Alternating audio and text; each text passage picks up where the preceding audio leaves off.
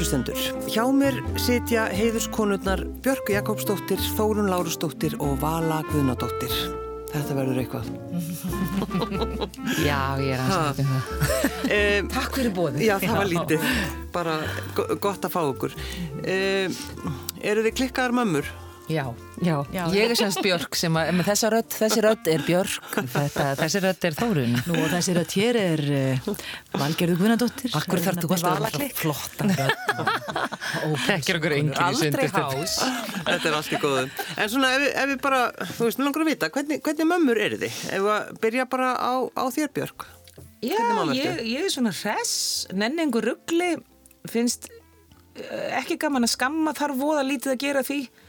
Uh, mér finnst börn og dýr ofsalega einfalt lið, fullur af fólk aðeins flóknara. Já.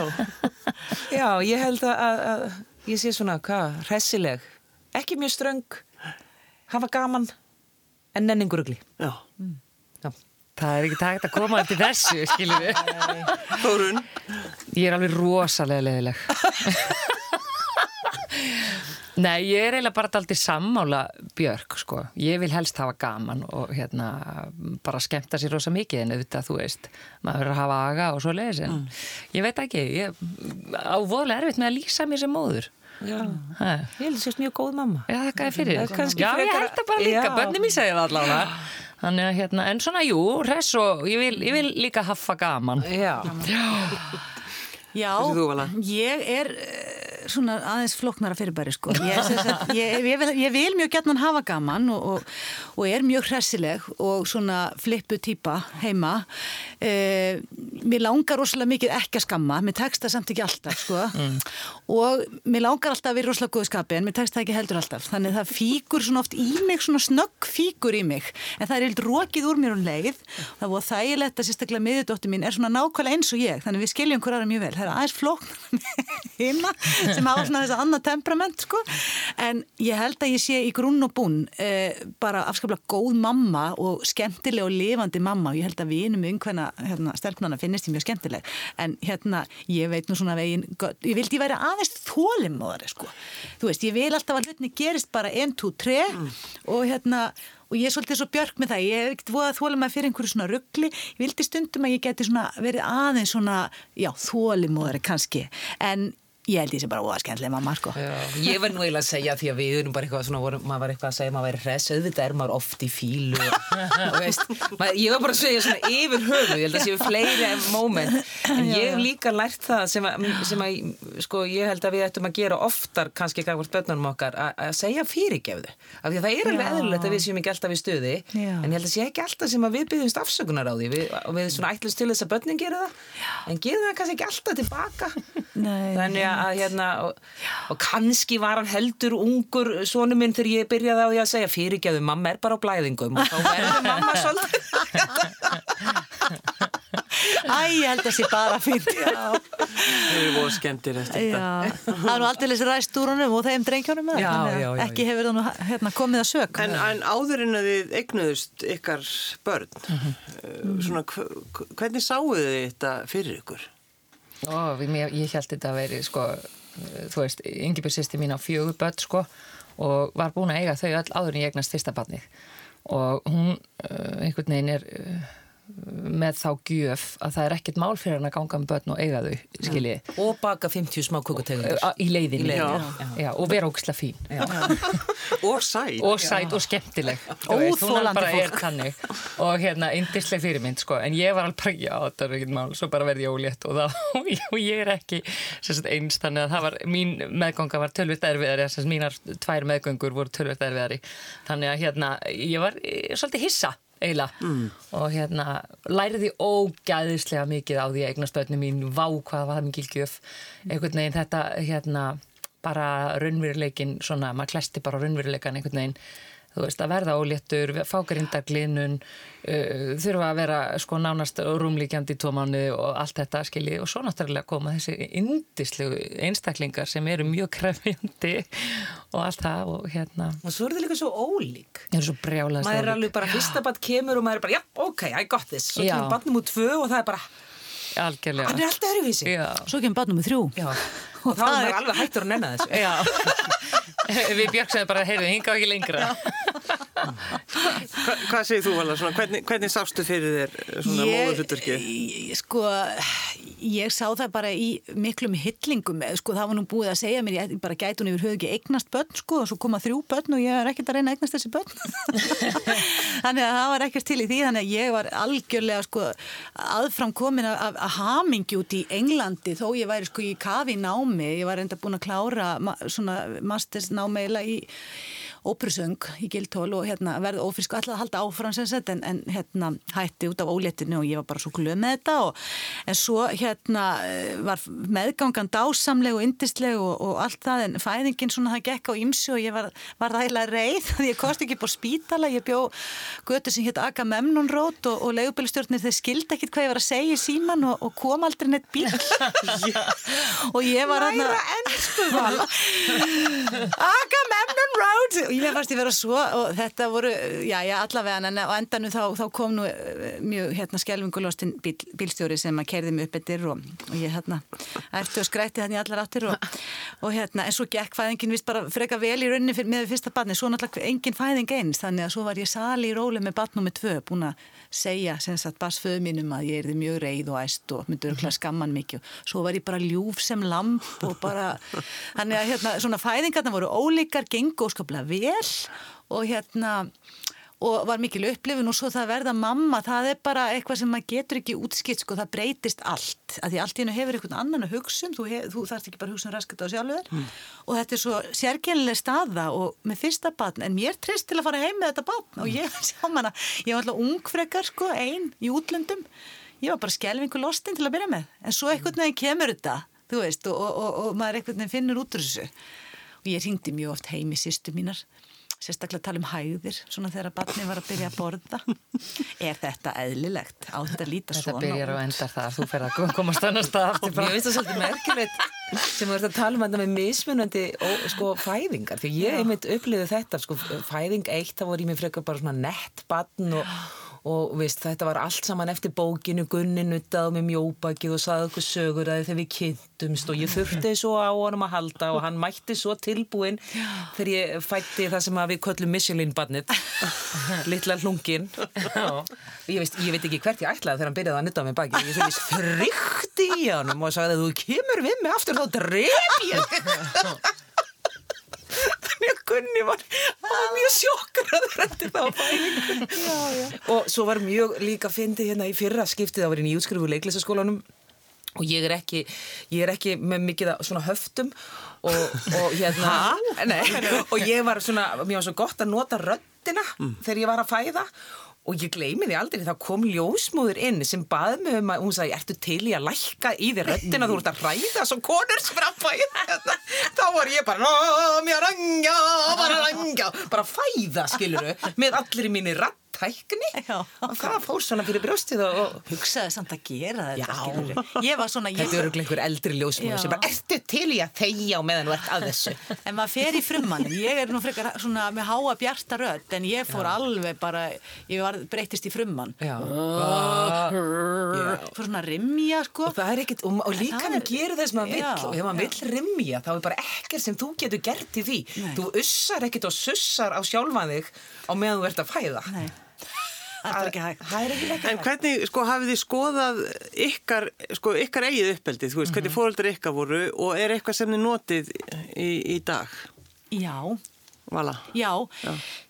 Eh, það er þetta með svolítið með gleðina og húmórin af opni, svolítið, mér finnst það skipta svo miklu máli, því að einhvern veginn þú elst upp á húmórslösu heimil, það sé alveg óskaplega flóki og leðilegt, að því að lífið er oft alla vegana og það eru blankheit og veikindi og allt mögulegt sem eh, fer í gang sko, en, en þetta hafa svolítið svona, þetta spurningum hvort að glasið er hálf fullt eða hálf tómt sko, og það er eitthvað sem að mér fannst ég læra af foreldri mínum, það er svona svolítið að pappi var eins og ég, hérna svona happy go lucky, mér finnst þetta svona eitthvað sem að ég vil tilenga mér og, og, og hérna og hafa tónlist og, og, og svona og allir geti svolítið bara verið þeir sjálfur að þú þurfir ekkit að tippla á tánum í kringun neitt en þú þarfst að tala um eitthvað þá bara ferð að gera það og að fólk geti verið ósamála og alls konar svona. Um, ég ólst upp á frekar svona afslöpu og frjálsu heimili. Yngst sex sískina, eldri foreldra búinir að reyna allt skilur upp. Yngst af, sex sískinum? Já. Wow. Þannig að hérna, ég er örverfið sko. Já.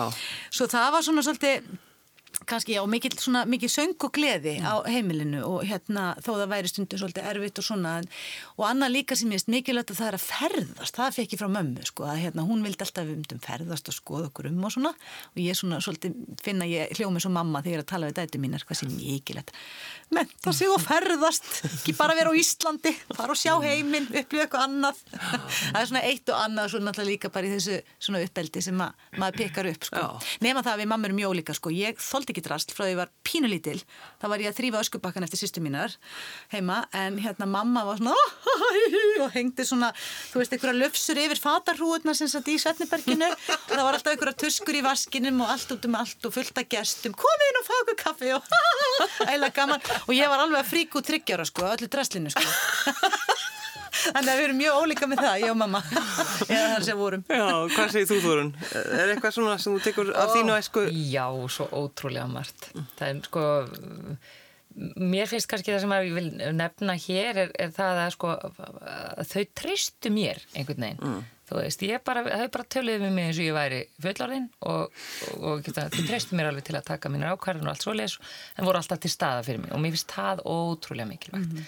Þannig að börnin svona fáið á tilfinningunum þau skipti máli og þeirra, þeirra álit skipti máli. Mm -hmm. Mér finnst það alveg rosalega mikilvægt. En svo segi ég eins og vala, er náttúrulega músikinn og ferðal við ferðast ótrúlega mikið með fjölskyldunum minni og við vorum oft hérna, vorum aftur nefnt von Trapp-familjan. Þegar við vorum alltaf syngjandi í bílnum og það var sko, alltaf að minnstakosti fjórrata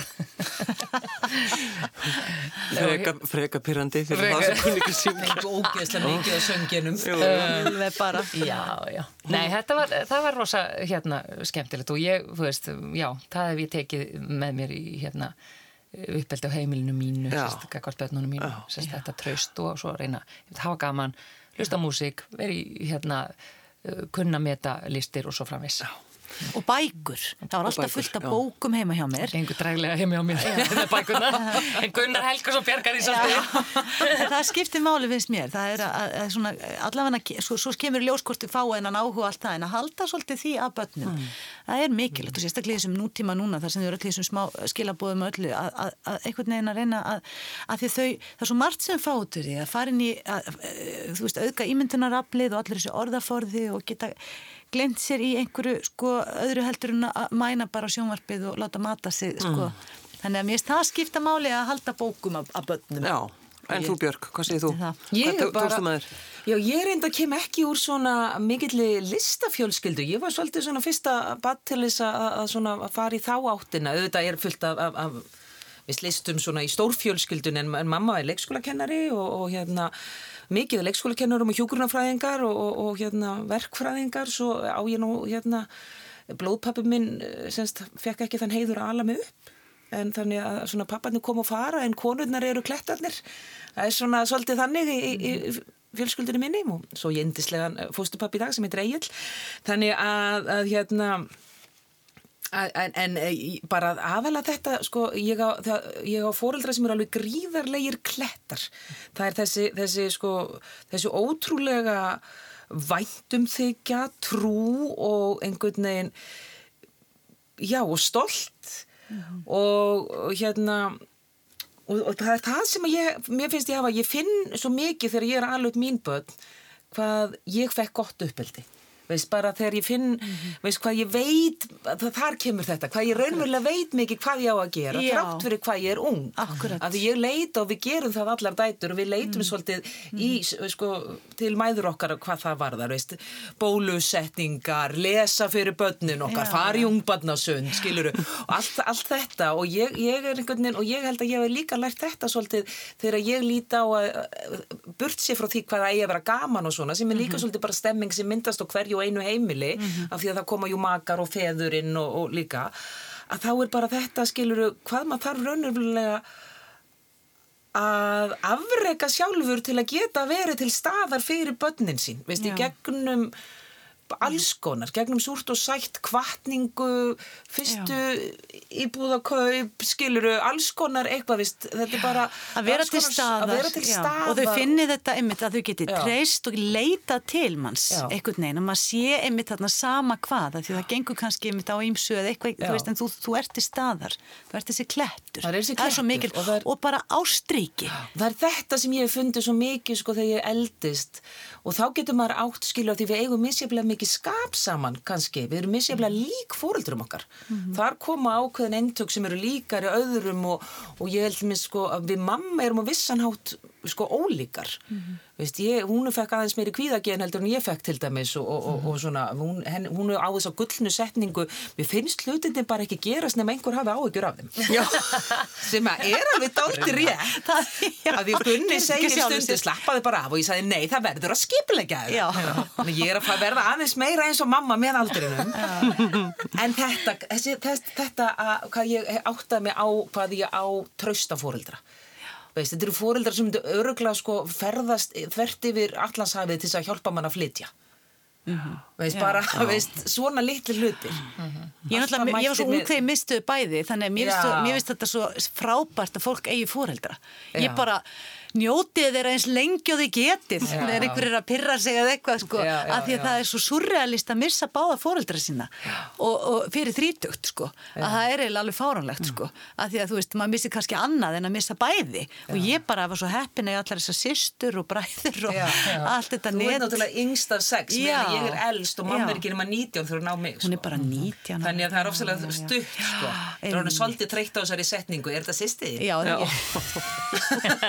Já, Já. Við ætlum að spila uh, í þessu ágæta gestabúðir þrjúlög og Vala, lagið sem við völdum sem Já, þú syngur. það er að, hérna, plötu sem að, e, var gefin úr 2010, þetta er eiginlega eina sóloplatan sem að ég hef gert með hann Þorvaldi er Drömskóur og það eru svona ímislög í, í sérstökum útsetningu, bara gítar og strengir. Og þetta er svona hinn og þessi lög, þetta er Dimma Rósir hérna í svona svolítið sérstakri, sérstakri útsetningu. Já, við skulum hlusta það. Já.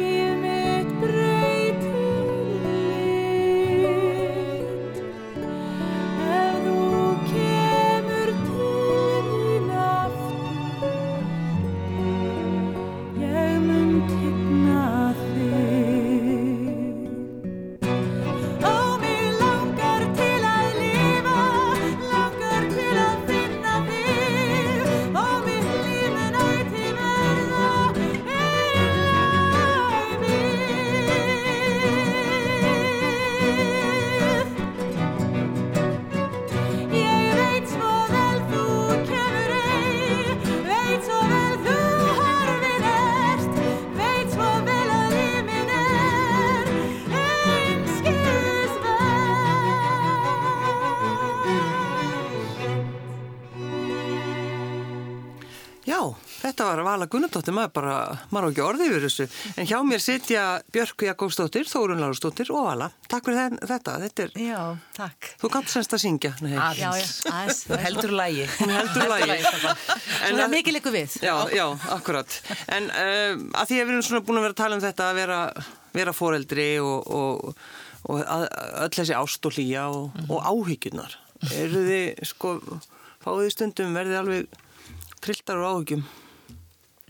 Það horfði alltaf mig. Ég er bara, við erum bara að tala svo mikið, ég er og allar lendi í svona kurteisis. Þetta er svona kurtisistak, ég veist að nú get ég ekki opna munni, ég er búin að tala alltaf mikið. Hérna, ég, eh, sko, já, já, vissulega, en, en ég, ég á þrjárdætur, sem sagt, elsta er 18 ára, svo 13 ára og 11 ára. Og það er blessunulega að hafa nú ekki komið sér neinn vandræði eða, og standa sér vel í því sem það taka sér fyrir hendur. Þessi elsta bara er heima að læra á föstaskvöldum. Fyrir ekki að ég að pompaði stóllið minn. Ég ætla aðeins að laga. Það fá brjálega látaskastila. Leikstjórin í smá vandræði. Ég held að þetta væri eitthvað svona, uh, hvað segir maður, svona, listrænt. Fyrir ekki að Veistu vera hvað að segja. Já, nei, ég er bara að segja að, að, að hún, hérna, ég hef ekki, nei, ég hef ekki þurft að hafa bara neinar eh, áhyggjur. Sko, svo sem, ég veit ekki, ég var úrskaplega góð líka, góður unglingur og svona, þú veist, þannig að unglingsári þegar þau koma og allt það, maður hefur svona, jú, auðvitað, það kemur kannski kvíði og svoleiðis, en Jú, en ekki svona raunverulegar þannig, sko, eh, þú veist, þetta, þetta er, ég veit ekki hvað ég á að segja, mér finnst ég bara að hafa verið heppin með það, þú veist, það hef ekki verið neinn rosaleg veikindi, að vísu veiktist dótti mín hérna yngsta mjög alvarlega og var greind með kvítblæði sem að reyndist svo ekki rétt. heldur fekk hún heilkenni sem heitir hemolítist úremist syndrom, hus og út af bakteríum í, í kjöti og, og hérna hún var alveg ofbúslega veik. Og var bara mildi að fóð með henni upp á spítala, hún var hann alveg blóðlaus og þetta dæli henni blóði. Og þá man ég þessi tilfinning að standa því að eiga fárveikt batn og ég var upp á spítala Svo braggaðist hún eftir blóðgjöfina á einhverja daga og ég var að leika í borgarleikursunni þarna, þú veist, að fara og, og, og hérna í Sound of Music, það var opið hús og hún er på spítala. Og svo var ég beðnum að vera í sjómarstala að hérna svari síma fyrir krabbaminsveik börn. Á sama tíma, ég sagði nei, veist, ég geta ekki, ég er upp á spítala með dóttur mína.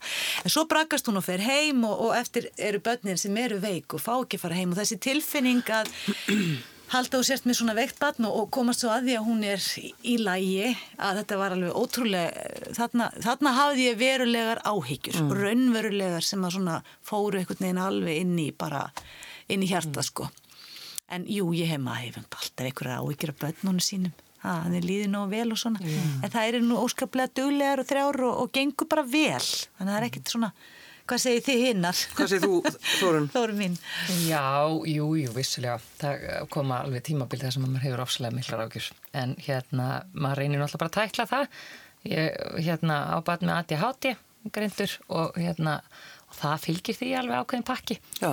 E, en auðvitað fer maður bara gegnum það eins og allt annað, sko. Þú veist, þú ert komin á hana stað, það er alveg sama hvað það er, að þá bara einhvern veginn fer maður í gegnum það. Þú veist, það sem við varst að tala um áðan í sambandi við að vera foreldri og þú veist, það er allt í innu ábyrðin er mín að þá bara stendur maður sig, skilur við, það maður bara heisjar upp um sig og gerir, sko, og hérna, og það hefur alveg verið raunin, sko, og, og þú veist, um, ég lendi nú bara í því fyrir stuttu um þetta, hérna, í haust og það fór nú eins og eldur í sinu um, um uh, sjálft internetið uh, þegar að uh, sonu minn, hérna, datt á hjóli, það var einmitt akkurat fyrsta daginn sem ég átt að mæti myndatöku fyrir mömmu klikk, bara þegar við vorum að byrja á uh, að æfa mömmu klikk að uh, hérna fekk ég símringingu frá manninu mínu bara heyrið, þú þarf að kanslera öllu þórum mínu komið upp á spítala. Að þá hafi svona minn sem sagt dottið á hjóli að því einhver hafi losað hérna uh, einhverja skrúur eða eitthvað á, á hjólinu með þeim afleggingum að, dekki datt af og hann datt niður og tvíbrotnaði á hann hendin og við erum alltaf verðum að díla við það í allan vetur og því fylgdu náttúrulega rosalega ráhugjur og, og, og að því verða við kynna smá reyði sko. eðlilega, eðlilega en hérna, en já, svoleiðis áhugjur þetta er náttúrulega bara eitthvað sem fylgir og þú veist, þetta er bara það kemur ímislegt fyrir hjá öllum og maður bara tekur á því Já, já, já. Hvað segir þú, Björg? Ég er bara hress. Já, þú er alltaf svo sjúklegar Ég, þess. ég, ég er svo sjúklega hress, nei, nei, ég stundum alveg hundleðileg. Nei, ég hérna, maður átti að svona líka á því eins og þegar maður fyrir að vinna leikrit eins og mömmu klikk, hvað bara hinn almenna heilsa náttúrulega að það að vera heilbriður á náttúrulega að vera nóg til þess að maður hafi engar áhyggjur af börnunum en það er bara ekki svo einfalt. Maður er alltaf með einhverja smá áhyggjur og ég held það sé bara þegar, það, það er bara segir sér sjálft þegar þú ert með einstakling sem þú elskar meir en sjálfum að þig og hérna að bara ef hann, veist, annarkort hefur áhyggjur að því hann djamma of mikið og ef hann, ef þú hefur ekki áhyggjur af því, þá hefur áhyggjur að því hann djammi ekki nóg mikið. og veist, Hann er einangrast. Já, ef þú hefur ágjörð því að sé of mikið í símónum eða þá sé ekki nóg í símónum af því að hann fær aldrei neinn message, skilur þannig að veist, þetta, er, þetta er alltaf þessi litli og svo náttúrulega er maður bara hjarta slær, maður hættir að geta tekið öll áföllin veist, maður, maður, maður hættir að geta tekið þau í fangið og maður þarf bara að setja svona á hliðalínunni og svo þarf maður að horfa á þau veist, fara í sína fyrstu ástasorg og, og ég held að maður verði alltaf pínulítið með í öllum þessum sveiflum, alveg sama, veist, mamma er ennþá að taka sveiflur með mér 52 ára sko. Já, já. þannig að ég held að þetta sé bara komið til að vera. Ég man alltaf eftir í Björk þegar, þegar, þegar hérna einhvern tíman í sko, eldgamla daga, við erum búin að þekkst mjög lengi að þá hérna varst að segja mig frá því þegar varst að kenna uh, strákunum þínum að tapa í spilum Já, og það væri svo mikilvægt þú veist, stundum verðum að bara vinna Já. af því þeir þurfa að læra að tapa Já. þú veist, að því að til að byrja með náttúrulega þá leifir barninu bara að vinna Já, og svo já. kemur að því og þessu. Olsen, Akkurat Olsen. þessu. Nú verður mamma bara að vinna. vinn ég og það bara, þú veist, ég meina þetta er bara ógíslega góð leksja fyrir lífið já, það er bara það, Stundum verða börni bara að tapa í spilum Já. Ó, það er alveg Þetta er frábært. eiginlega bara það besta, sko, besta kennslan. Já, akkurat. En hann fekk mikið, hann er sko eldri sonurinn fekk heilmikið af keppnisgeninu frá pappa sínum þannig að fyrsta tapið Olsen Olsen var ekki, það var ekki auðvelt fyrir hann Bara eðilegast næsta vika og eftir. Ég man eftir Svo svona er hann momentum. reyndar ofsalega ljúfur en hann er tapsar Áskrimur, hann ljúasti maður sem að hann er að leika með okkur sko Það er gott að hafa keppniskap, en maður verður að geta að tapa. Ég átti rosa erut með að tapa í spilum. Þá getur ég bara einhvern veginn komst yfir það. Ég voru hann fullorinn. Það er svo leiðilegt að spila við fólk sem getur ekki tapa Ég veit að það er svo leiðinlegt. Það verður allir svo meðvirkir, Já. það er alveg sama hvað spilarinn er gaman Já. Það er allir bara, ú, þessi er að fara að tapa Leifum honum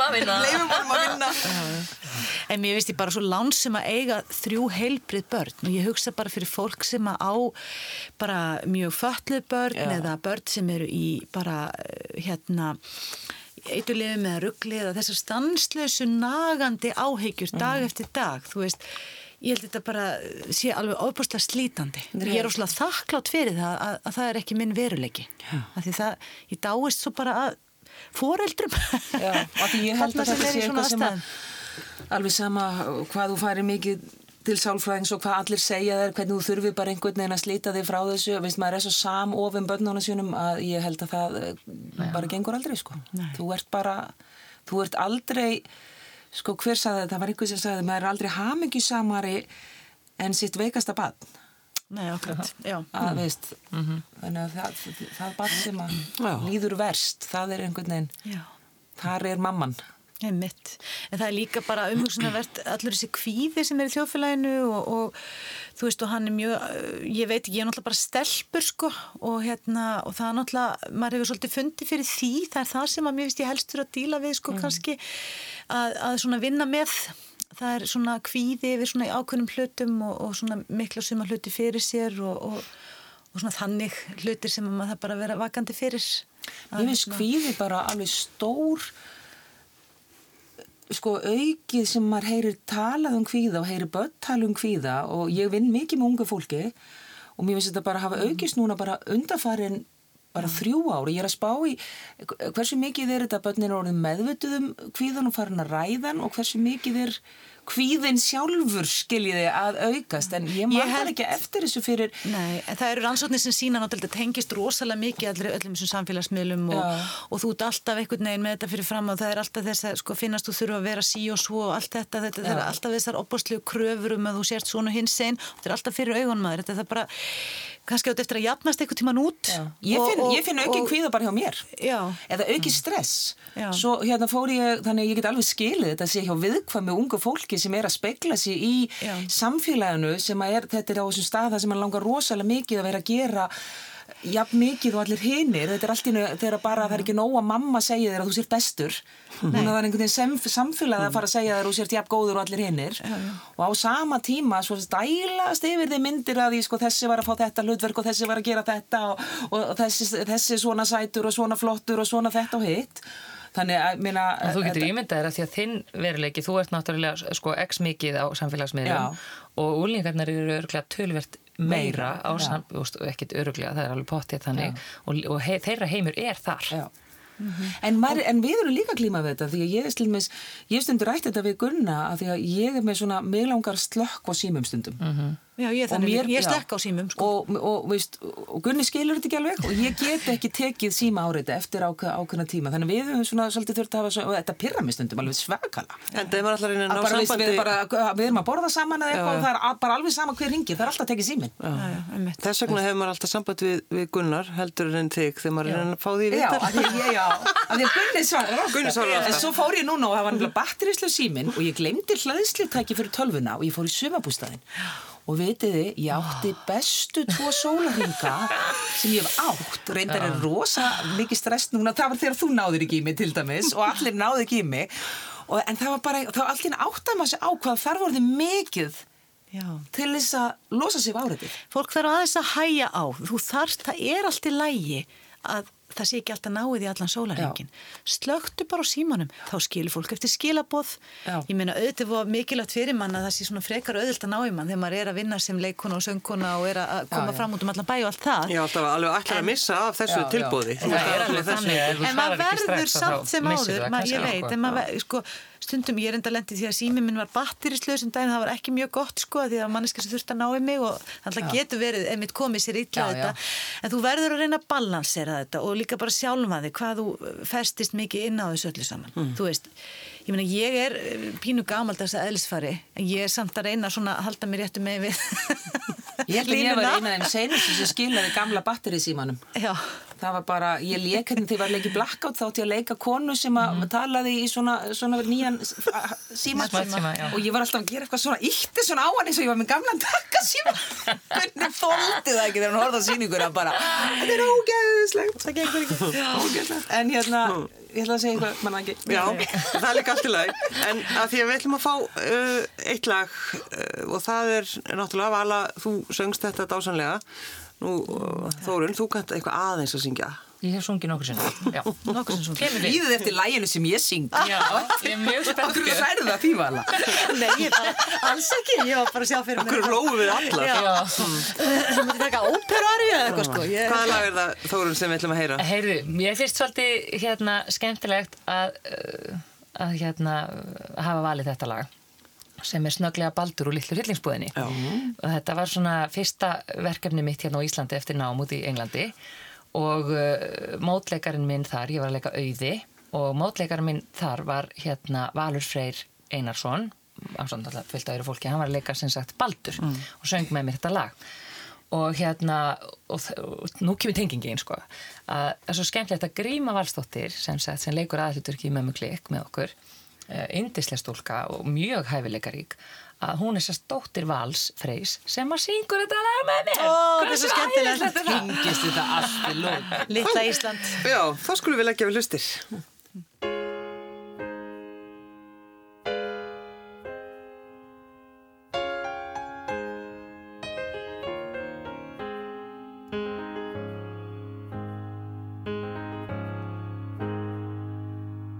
Lyftu upp höfði, reynsaðu meikið Hérna er tissjú, strjúktu það burt Lá mér að sjá, svipinn þinn reyna Sannlega reyndi en nú er allt þurrt. Þá kemur baldur, hann bak við þig stendur Bájindin hverfa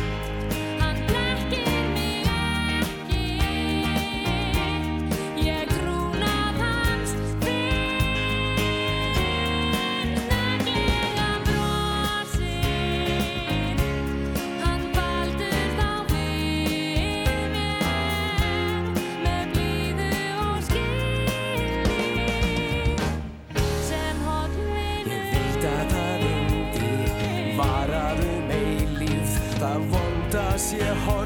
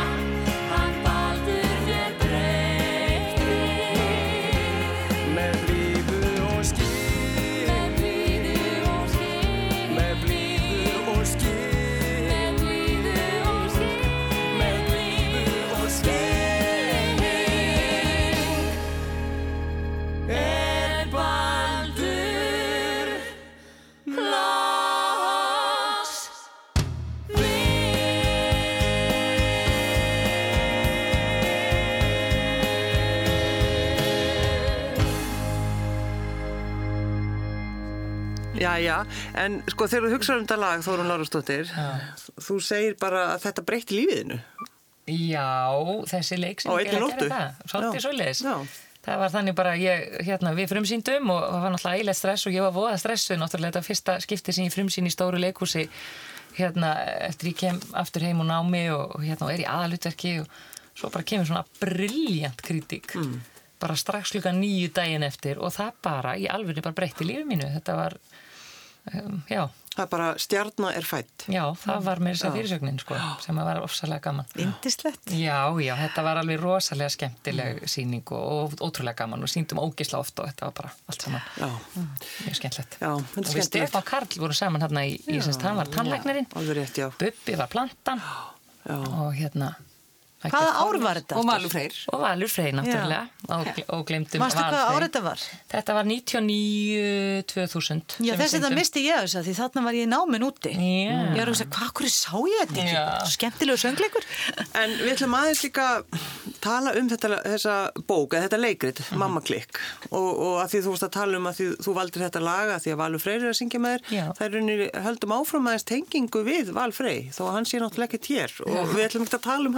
sérstaklega en, en hvernig svona tengjast, hvernig tengjast hann einhvern veginn þessari sögu eftir hann? Ég sko, já, ég veit ekki hversu mikið hann tengist, en Ilmur Stefáns konanas tengist uh, svolítið inn í þessa sögu. Þannig var að, að hérna, Gunnar Helga var að, vinna með grímu, vals, sem að leikur stelu, í óvitum í þjóðleikusinu. Þá er hún bara lítið stelpu skott, svona, sjö, átta ára eitthvað svo leiðis og hún vildi alltaf leiða leikstöran þegar þau fór í hátegismat og, og, og var mjög einbeitt í því að fá leiða leikstöran og, og, í, í hátegismat alltaf og sagði honum þá yðurlega sögur af mömmu sinni.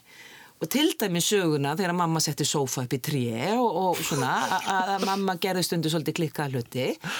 Og hérna og það er þá sem sagt ilmur og það er í framhald af því sem að, og reyndar á sama tíma hafði ég ákveðið að setja baðkar fram á, bjarg, uh, fram á, á bjargbrúnina á, á bústæðanum okkar að því ég voru þreytt að því að býða eftir heitapottinum og ég held að það hefði svolítið verið þessi saga uh, móður grímu að setja sófa upp í tré og síðan þessi saga frá mér um að setja baðkar uh, veist, út í náttúruna af því að hún fekk ekki heitan pott sem að kveiktu svona hugmyndina að mömmu klikk. Og báðir, bæði þessi atvik eru síðan í bókinni og eru síðan í leikritinu. Þannig að það er svolítið gaman að skuli síðan vera gríma sem að leikur stelu, það er svona svolítið lokar þessum ringa því að það var svolítið hún sem að kveikti hugmyndina hjá höfundur. Já, já, og þetta er náttúrulega bók sem að sló, sló algjörði gegn. Já. Og ég var nú, sko, það, ég, en ég valdi nú ekki grími bara út af þessari tengingu, heldur var ég lengi að glíma við því þetta er alveg stærðarna hlutverk og þetta er burðarhlutverk ásamt mömmu klikk sem að Vala leikur. Uh, Vala poppaði nú strax upp í huganum manni, það var nú bara einhvern veginn, uh, maður hugsaði, uh, skiljur, klikkuð mamma sem er óperisönguna, Vala, Vala, Vala Guðna, það er bara hún. En, en það var svolítið glímaka með þetta með stelu því þetta, það er ekki nóg að þarna sé hæfileiki, þarna það er bæði leikreinslu og það er bara mikið næmi og ég, ég flakkaði svolítið mikið á milli þess hvort ég ætti að taka a, bara atvinnuleikonun í útskrifaði sem getur leikið niður fyrir sig og ég er svolítið mikið fyrir það að börn speikla sig bara aðeins betur finnst mér þegar þau, þau hafa börn eða úling í, í, í því sko það sé ekki einhver að reyna að leika, einhver þrítu að reyna að leika dóttir völu að, að hérna og svo bara allt í hennu myndi ég eftir því að hún var ákkurat á þessum aldri, hún gríma sem að e- hefur að mínu mati svona þetta einstaka hérna einstaka, einstakan hæfleika Já. alveg einstakt næmi. Nema nú er bara svolítið, sko, ég hérna, dubleraði ekki af því að við ætlum bara að vera með svo krútlegt leikhús og svo krútlega temmilega margar síningar en núna gengur sko, salan og síningin svo svakalega vel að nú þarf að koma bara inn ný stella og ég hef búin að finna stelpur. Æðislega. Stella Já, ég er búin að heyra sem ætlar að taka á móti grími sem heitir Erlen og er búin að vera í Mattildi og búin að vera í, í, í var í óvitum, dubleraði á móti grími í óvitum. Það var bara svo sem leitti hinn höndina á leikstjórunum þannig að En bara sko- gaman að segja það frá Já, því. já, kynna hana aðeins til leiks. En mamma klikk, hve- hvernig kona er, er, er mamma klikk? Mamma Klikk? Hvað þáttur hún er, hún er alveg stórkoslegu karakter. Hún er alveg óskaplega hvað ég segja, hún er opaslega lifandi manneskja, hún er óperusöngkona og hún er hérna eh, búin að eignast þessi þrjú börn þannig hún er búin að gangi gegnum það að verða mamma og örgulega ólíkar fæðingar og allt það. Það er skap í henni. Hún getur alveg svona snögg reyðist og allt það. Og, og hún er mjög æfintrækjötn og, og hún vílar ekkit fyrir sér, hún lætur ekkit stoppa sig. Og hún, hún vil endilega gera hluti fyrir börnin sín, skemmtilega hluti og hún sko, hún er ófeimin, hún er algjörlega ófeimin og fyrir 13 ára ungling getur þetta verið aðeins uh, of mikið að eiga svona karakter sem mömmu, get ég ímynda mér sko. Og svona gerir, hún er svona ódreiknarleg og getur svona, uh, já, brostið í, í, óperusöngi í smáralind og svona einmitt farið með baðkar út í garð og byggt Ég held líka að standa svo og- ofsalega vel og leggja gríðarlega mikið á sig til þess að fyrir börnin sín. Já, ég hún held að það. sé mikið álag á henni og, og ég held að hún sé ákkurat dæmi um Já. móðir sem að veist, fylgist með börnunum og finnur til og, og, Og veist, er allt algjör þetta. klettur. Og er algjör klettur. Hún er það, algjör En, en, en klettur. stundum miskilir þessi, þessi, þessi Já. ást og þessi klettur eða Já. miskilir fyrir afskiptasemi og það að vera nefnilega málið klikkaður. sko, að vera 13 ára unglingur þú Þetta er sér- fín lína. já, þú sér hlutina svolítið öðruvísi sko, Já. þegar þú ert unglingur og maður finnur þetta svolítið sjálfur sko, að, að börnum finnst maður svona pínu svona, alveg sem vilja hafa mann alltaf en, en hérna en hún er til staðar og hún er alveg stórkostleg og hún er mjög ástrík líka hún er stútfull af ást það finnst mér skipta svo miklu máli En, en er það þannig að, er hún að skamma sín gagvart mömmu klikk, um, Stella? Já, Já, hún, já. hún heldur sko raunverulega, það er, það er einhver svona breyting í hennar lífi, sko mammenar er bara farin að gera ofsalega klikkaða hluti. Svo getur við alveg deilt um það hvort að það sé af því að, að, að hennar lífsýn er að breytast verðandi mm. úlingur mér að Sigga, Sítrónu litla bróður finnst mamma, ekkert öðruvísi en mamma hefur alltaf og verið. finnst hún ekki að hafa breyst? Hún alltaf verið svona í rauninni sko. alltaf verið klikkuð. Og ég meina Palli er bara búin að sætta sig við það að mamma er svona. En Stelli finnst hún skyndilega bara allt sem henni fannst fyndið og skemmtilegt er bara orðið algjörlega óþólandi og pyrrandi og hún náttúrulega heldur að þetta sé ástæðan fyrir öllu. Mamma á eftir að rústa ammalinu af því að hún syngur alltaf svona hún ammæli dag sem enginn getur sungið með skilur þannig að hún bara vandraðileg og skrítin. Stelpunna nenni ekki lengur að vera með henni af því að hún á svo klikkaði mömmu og veist, hún, hún bara veist, hún hrópar hæ, mamma minna Stelli þegar hún kemur í skólan, hún gerir bara veist, og þannig eftir bara með 13 ára skvísu sem er bara að rembast við að vera töff og langar bara að vera svo allir aðrir og vera bara pínu Já. venjulega mömmu sem er ekki að gera eitthvað svona skandaliserandi hluti út um allan bæ sko. Já. Þannig að svo getum við alveg einmitt er þetta, þetta er náttúrulega sannarlega saga um meina, ég ákvað það í þessari leikir ég gerir leikirðina sem sagt að, að, að taka þú getur náttúrulega ekki komið heitri bók í sögu Nei, nei. ég veist bókin fyrst og fremst vera um samband Mér finnst það fyrst og fremst um það hvernig barn, þegar barn breytist yfir í úling og hvernig þú tekst á við hlutin og samtak uh, sam, uh, og hérna samband mömmu og stellu og svo líka það hvernig reynir á þetta samband þegar hlutinir er ekki alveg það sem við kallum eðlilegir þú veist, og, og áfallalausir. Og hérna já, ég man ekkert af hverju ég var að segja þetta Nei, þetta er gott. En var það ekki samt? Var Já. þetta Jú, það kemur, djúpvitur það, það samt? kemur mjög djúpvitur og í djúpvitur. framhaldi af, af Mér finnst það svo skemmtilegt. Mér finnst alltaf gaman þegar Björn byrjar að tala og svolítið, jó, ég man ekkert út af hverju það segir það. Mér finnst það gaman. Þetta kemur mjög áreislulöst samt og í eðlilegu framhaldi af hlutunum. Ó, En uh, sko, þegar maður, sér myndir af, úr sýningunni ykkar, þá það er sko og? Já, og leikgerfi, heldur ég sé ekki hagnýtt húsmóður. Hagnýta húsmóðurinn. Það er það að segja. Já, það er ekkert að æða í allt. Við ákveðum að, splæsi leikmynd og þá hafði ég ekkert efna á allir líka. Ég elskar svona leikhús. En uh, Amma Snopp, Já, já. já, Hún er náttúrulega alveg dásamlega karakter að fá að leika. Þetta er lítið hlutverk en alveg ofsalega skemmtilegt. Hún er óþólandi, hún er rosalega snoppuð og sér og finnur að öllu. Hún er svona bara þessi tengdamóð sem allar konur ræðast. Þú veist, þegar hún kemur í heimsókna þá verður að vera búið að taka til og bara, þú veist, höfum þetta bara fínt af því að ég nenni ekki að fá hérna lúkið. Er þetta svona tengd Þetta er svona vala. Hún, já, hún skrifa svona rík á, Já. á, á glerborðið. Já, hún myndi alveg pottþétt ég, ég gerir það. Mér finnst það alltaf Með, fyrir, skemmtilegt. með fyrirletningarsvip Jú, svolítið, Já, ég smá, er já. ofsalega góð í því. Hún er alveg það og- Nei, hún er mjög ólík mér, ég get alveg lofa því. Já, en það er, það er mér er gaman að fá að hérna, leika þessu fyrir mig og, og hérna og, uh, og takast á við það svona svolítið, það er skemmtilegt. Það er líka svo gaman. gaman að vera mamma Gunna.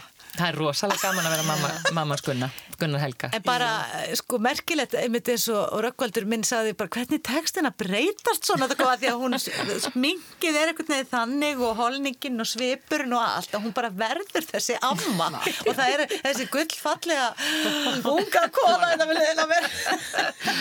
Mér finnst það rosalega gaman að gera svona sko. Það og það svo- er ég alveg í gerfunum, sko, ég er svolítið svo gíslir húnna bara. Mér finnst svo Já. gaman að vera í gerfi. Já, þú ert einmitt, Ég er þú ert einn af það. þessi leikurinn sem er fljóta að byrja að finna svona og, og, alltaf, og það er svo gaman fyrir mann sem leikstjóra því þá er alltaf verið að mæta með einhver tilbót frekar í leikarinn sem alltaf bara, já, kemur ekki bara einhver með hennan búning svo bara, veist, kortir í frumsýringu Og þú ert með, að ert með nokkra karakter, það skiptir líka máli, þannig Já. að það, að því það Já, er svo- alveg rosa breyting sko. Já. Ég fæ alveg að setja í mig tennur sem að breyta mér Já. og ég er með, hérna, og svo er náttúrulega, ég, er að skipta um smink þrjus að fjórusunum í síningunni sko. Já. og gerir það sjálfa bakvið sem ég veist bara gaman sko. Það er engin aðstof, engin Nei, aðstof. nei, nei, nei, þetta er bara þannig Þú ert sjálfstæði bara fegin að einhver komið hárkollu fyrir þig. Nei, en þetta er, það er voða skemmtileg Mér finnst ótrúlega gaman að fá að leika svo marga karaktera og það er æðislega að fá þarna einn rosa djúpan flottan karakter sem að skiptir sköpum í verkinu fyrir, fyrir mömmu klik og Stellu Er það, er það Amma Snopp sem að... Það er amma snopp Já. Þú ert raunverulega, þú ert að segja að þetta leikrit sé raunverulega um Þetta ömmu snýst, Snopp. það ætti í raun að vera að heita amma Já, snopp það er sko. Það er líkil karakter. fattaðist aðeins og seint Ég við erum að fara að bæta inn mónalókum sko, Björk ætlar að skrifa anna, svona, anna leikrit bara fyrir mig sérstaklega sem heitir Amma Snopp En, en sko, Björk, þú gerir leikgerðina úr bókinni eftir Já. eiginmanniðinn. Var hann að skipta sér að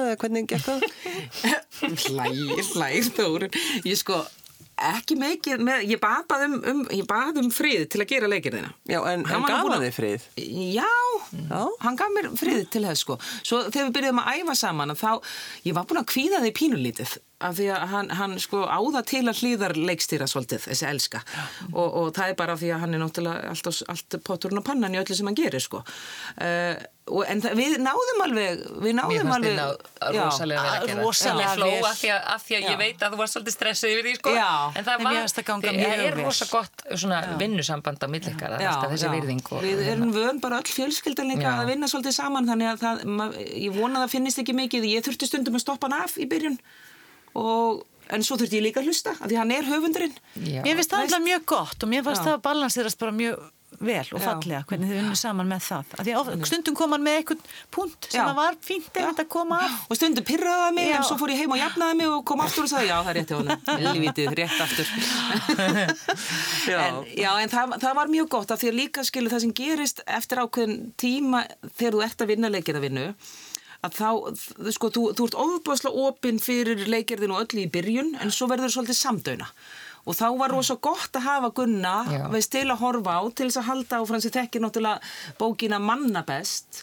og bara með svona litla hluti, veist, eins og ok, við getum, við, bara þessi setning að við fórum heim til ömmu og leistum, veist, úr málinu, veist, alls konar svona hlutir, af því að maður hefur minni tíma, þess vegna líka er jú lag í byrjun til þess að, þegar amma snopp til dæmis, hún er ekki mikið í bókinni, en maður gefur henni þarna, reynir að gefa henni þá smá í læginu og, og, og, veist, og, og, og hérna sína hana svona þar, þannig að það var rosalega gott að hafa hann til þess að svona reyna svona að halda lífi í, hliðakaratum þó maður getur kannski ekki haft á mjög feita. Og Safaríka sko, en amman reyndar á senu sem er náttúrulega, ég segi, Í, ansi í lík, já, líkil, líkil. líkil, Já, líkil sena í, í þessu verki. Þetta- eins og við vorum að tala um þetta snýst náttúrulega um hana. En þetta er bara, en ég, mér finnst ekkit ekkit, mér finnst eiginlega bara við erum búin að þurfa að vinna lengi svona saman. Ég og Gunni höfum unnið oft saman þó það hafi verið svolítið pása. Og eins sem við unnið með báðum svonum mínum og það er bara, þegar þú ert komin á sviðið þá bara skiptir það ekki máli. Og En þegar hvernig, það það líka rosa gott ég, líka. ég ætla að segja líka út frá því að vera móðir. Mér finnst algjör forréttind að hafa fengið að kynnast strákonum mínum upp og nýtt sem fullorðni menn í vinnu. Já. þar sem ég get ekki verið tuðandi mamman og þeir get ekki verið hérna, veist, úlingarnir sem að uh, nenni ekki mömmu sinni og allt í hennu mætast bara tveir fullorðnir einstaklingar og mér finnst það Mér er svo rosalega flott hvernig þið unnu saman í þessari síningu, þú og áskrimur. Já. Gaman að Takk. fylgjast með því, einhvern veginn, það var svo frábært. já, var ekkert skilur var ekkert öðruvísi Nei. Og veist, og það, það bara lærist ennu virðing þá fattar maður að maður gengur ósjálfvægt miklu meira yfir mörg þeirra sem eru með mann í fjölskyldu heldur um að maður myndi leifa sér mm -hmm. öðrum Já, akkurat. Þannig að það er svolítið holdt fyrir mann að, að nálgast En hve- hvernig leikstjóri er, er Björk? Hún- Algjörlega frábær Ég Ekki er sparka hérna, svona í hana? Ég myndi aldrei segja neitt annað, skiljið. Ég að hætta að sparka í miðan til borni Nei, ég meina, það Þetta er ekki sko, nokkur að- annar sem geta gert þetta svona vel. Þið megi segja það sem viljið því þetta er, þetta er loka spurningin í þættinu ég skil. Svo farið þið Svo förum við bara. Nei, það er Ég, er búin að vinna svolítið mikið með Björk og hérna og fylgst með henni náttúrulega. Hún er og, sko uh, búin að gera svo mikið af, hún er búin að vinna svo mikið með úlingum líka og þekkir þennan heim rosalega vel. Uh, hérna, mér veist Björk nálgast viðfangsefnið alltaf út frá sko, miklum heilindum og það sem skiptir mestumáli rosa húmor. Mm. og það er ógislega gott, hún treystir leikarinn sínum og hérna og það er alltaf gott að eiga við hana samtal Já, það er opbúslega mikilvægt. Þetta- hérna, og ég, ég, ég, treysti henni alveg þúsund prósent. Það er ógislega gott að vinna með leikstjóri sem hún treystir. Þá er maður bara svolítið í góðum höndum. Val, ertu samanlösu? Ég er bara sammála síðasta Já, ræðinni. Nei, takk já, fyrir. er alltaf gott, alveg sem að koma að vera er alltaf gott að finna hrós. Ég veit það. En lokalægið? Já, heyrðu, það er Mamma Klikk lægið uh, sem sagt, þar sem allir karakterar í verkinu syngja pínlítið um sína mömmu. Þetta er nú alveg bara, ég held að þetta sé rúmlega fjögra mínútlega lag, það er mikið leikið og sungið með þessu, þetta er semst opnunur atriðið, þarna byrja vinkonur aðeins að syngja um sína mömmu og blær syngur um sína mömmu og, og þú og, Og mamma syngur um sína og og amma snopp og, og, og all, öll eigum við jú mæður sem mót okkur. Já. og við eigum ofsalega ólíkar mæður en það eru allar pínu klikk. Björk Jakobsdóttir, Þórun Lárusdóttir og Vala Guðnudóttir Takk fyrir að koma Takk, takk fyrir Takk okkur. fyrir.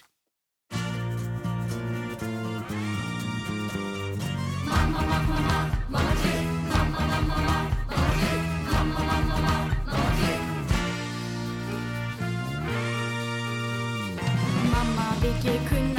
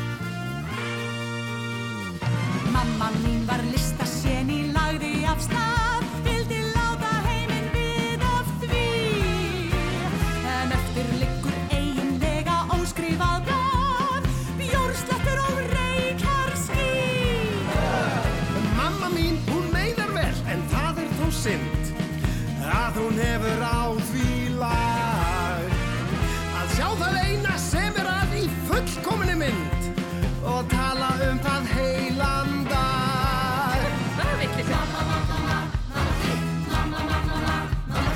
Mamma mín, hún góða siði innrætti mér, prúðmennsku og að losa mig við grátt.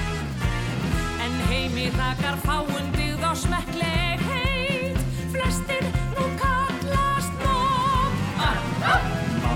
var einstaklega útsjónarsöm Hún næju sem og nýttni kendi mér. Það versta sem hún vissi var sóun og spreð. Við erum mjög ólík sem betur fer